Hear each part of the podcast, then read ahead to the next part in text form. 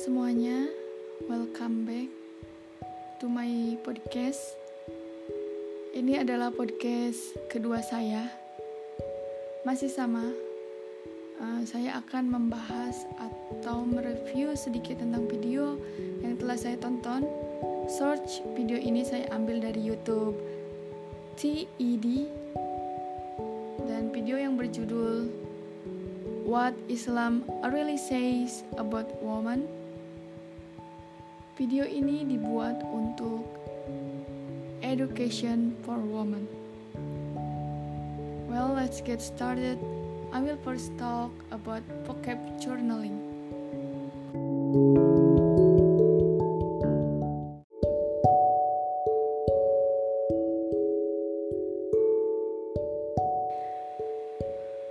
About vocab journaling, I got about 25 vocab with the meaning.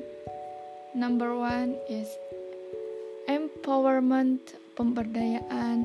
Number two, amplify, memperkuat. Number three, vitally, sangat penting. Number four, misrepresentation, representasi yang keliru. Number five, misus, penyalahgunaan. Number six, scripture, kitab suci. Number seven, deep out, taat. Number eight, limitlessly, tanpa batas. Number nine, purchase, kekuatan. Number ten, lens, lensa. Number eleven, merciful, penyayang. Number twelve, upbringing, asuhan. Number 13 widespread tersebar luas. Number 14 reclaiming merebut kembali. Number 15 grounded dihukum number 16 prohibit terlarang terlarang. Number 17 inappropriate tidak pantas. Number 18 infancy masa bayi. Number 19 relegate terdegradasi number 20 predate. Sudah ada sebelumnya.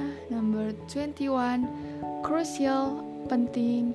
Number 22 oppress menindas.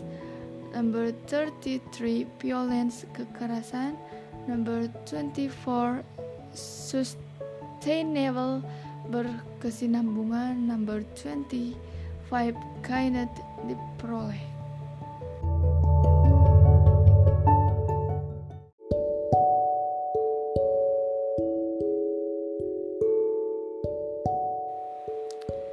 Next, I will discuss a little about the video summary of what Islam really says about a woman. The summary is Every religion definitely teaches goodness thing, especially Islam. Not only Islam, but parents must also teach to always do good. Parents, when have a children, they must be very, very patient in teaching knowledge to their children, and God never talk to differentiate gender Parents, understanding that God is a forgiving friend, helpers, and giver of blessings. In Islam, there are women who become leaders who are innovative, strong politically, economically, and even militarily, namely Khadijah, which founded the Muslim movement from its inception believe that women's rights and religion are not exclusive. It is not easy to oppose defiant religious message. You will get a lot of taunts, banter, and threats, but we have to voice human rights messages.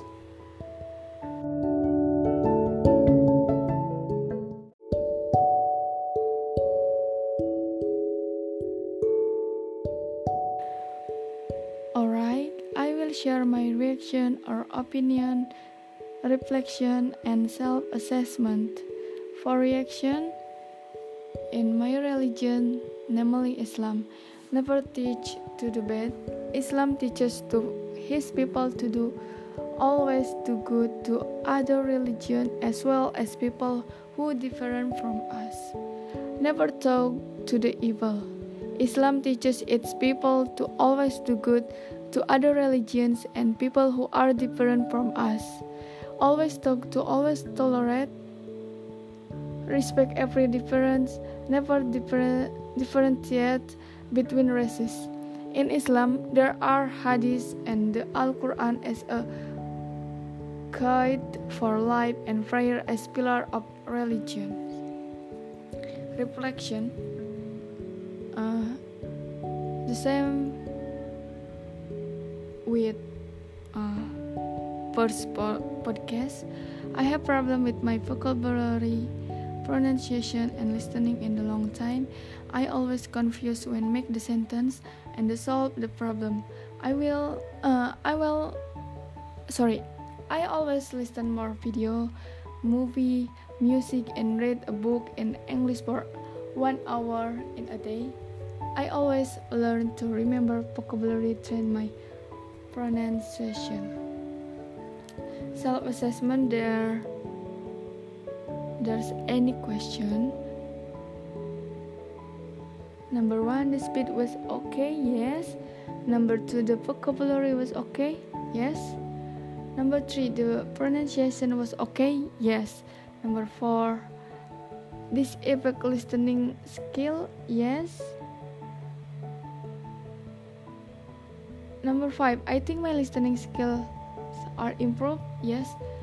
I need to improve listening to past speech, listening for a long time, my vocabulary, and my pronunciation. Okay. Uh, Sekian podcast dari saya. Mohon maaf apabila ada kekurangan atau kesalahan. Uh, saya harap